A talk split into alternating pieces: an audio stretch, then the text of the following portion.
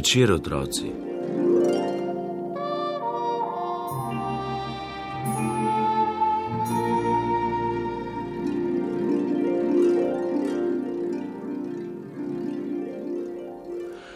Na robu mesteca je ob gozdu stala stara lesena hišica.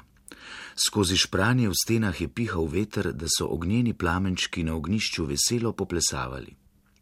V tej hišici sta stanovala starka in mlad kozel. To je bil svoj vrsten kozel, vzvišen in domišljav. Ko sta starko ob večerjih posedala ob ognišču, je neprestano godrnjal. Zaslužim si boljše, imenitnejše življenje, ker sem tako lep s temi rogovi in prišiljeno bradico.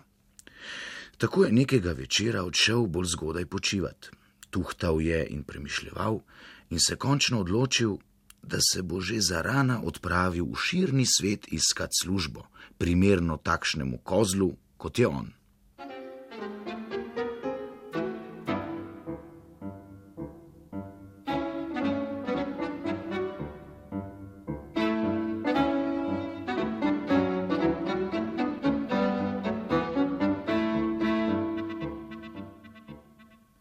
Res je že zgodaj zjutraj zapustil domačo hišo.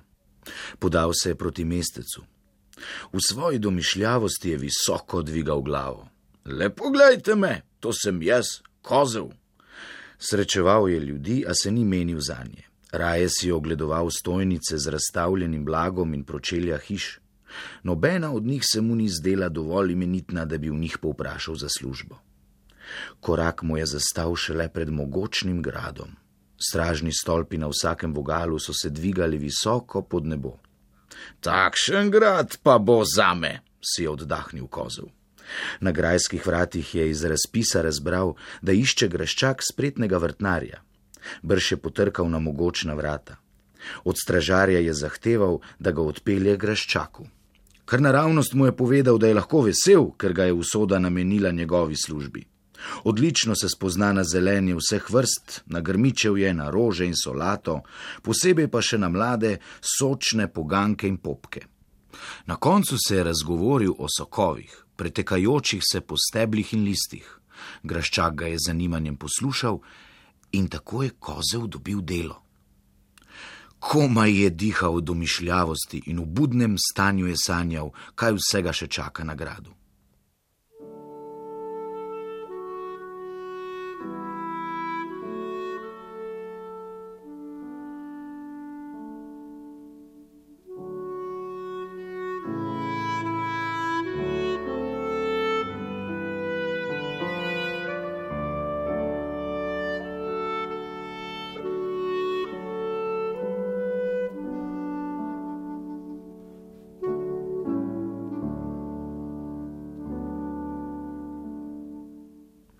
Že na vse zgodaj se je kozel vrtnar sprehodil po grajskem vrtu.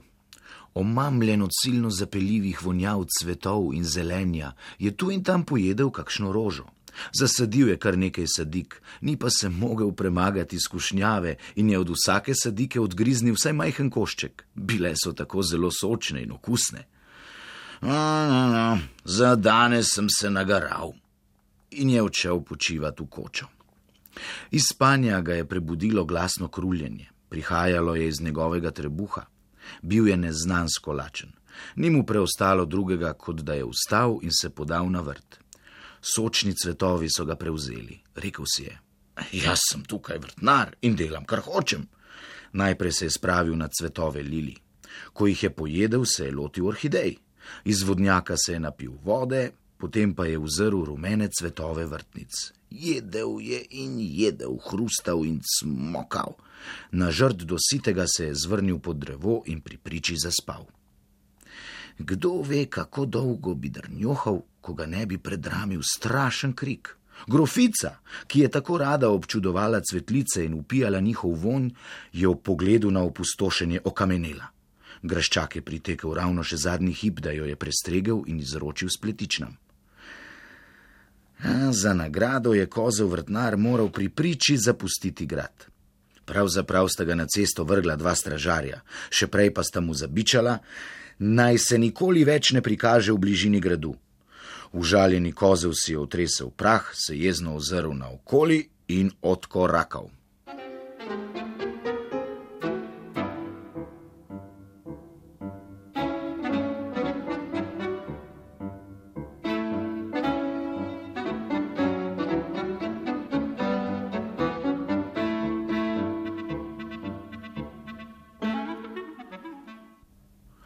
V mestecu se je ustavil pred čevljarsko delavnico.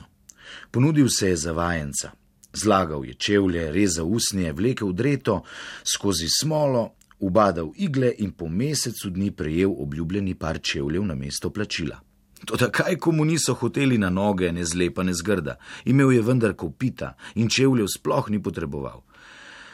He, žalosten in jezen je sklenil, da si bo našel drugo službo. In tako se je podal naprej po ulicah.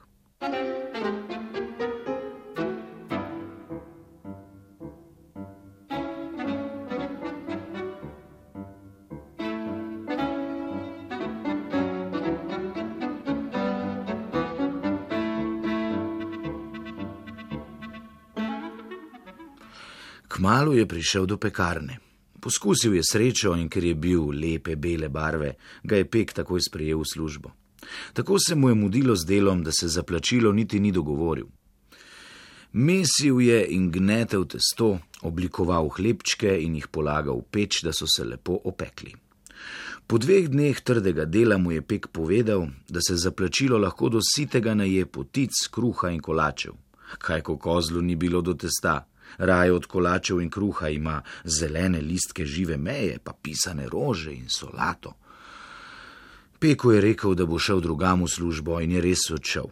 Še prej pa mu je pek usilil potico za popotnico.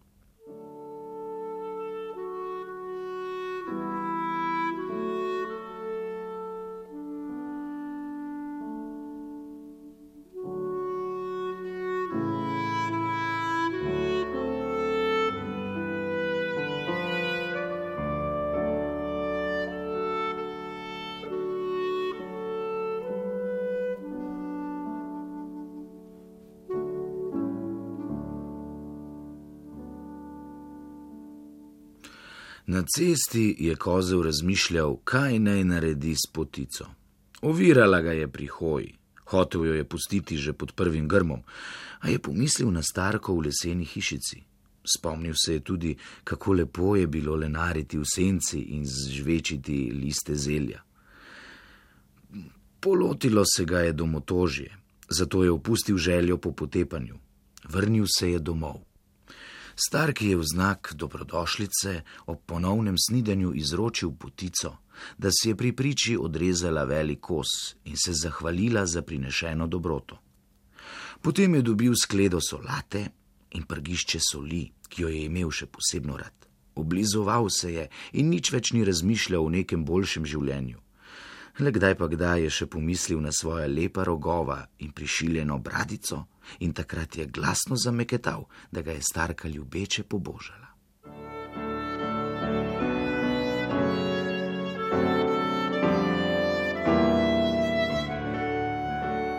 Pa lahko noč, otroci.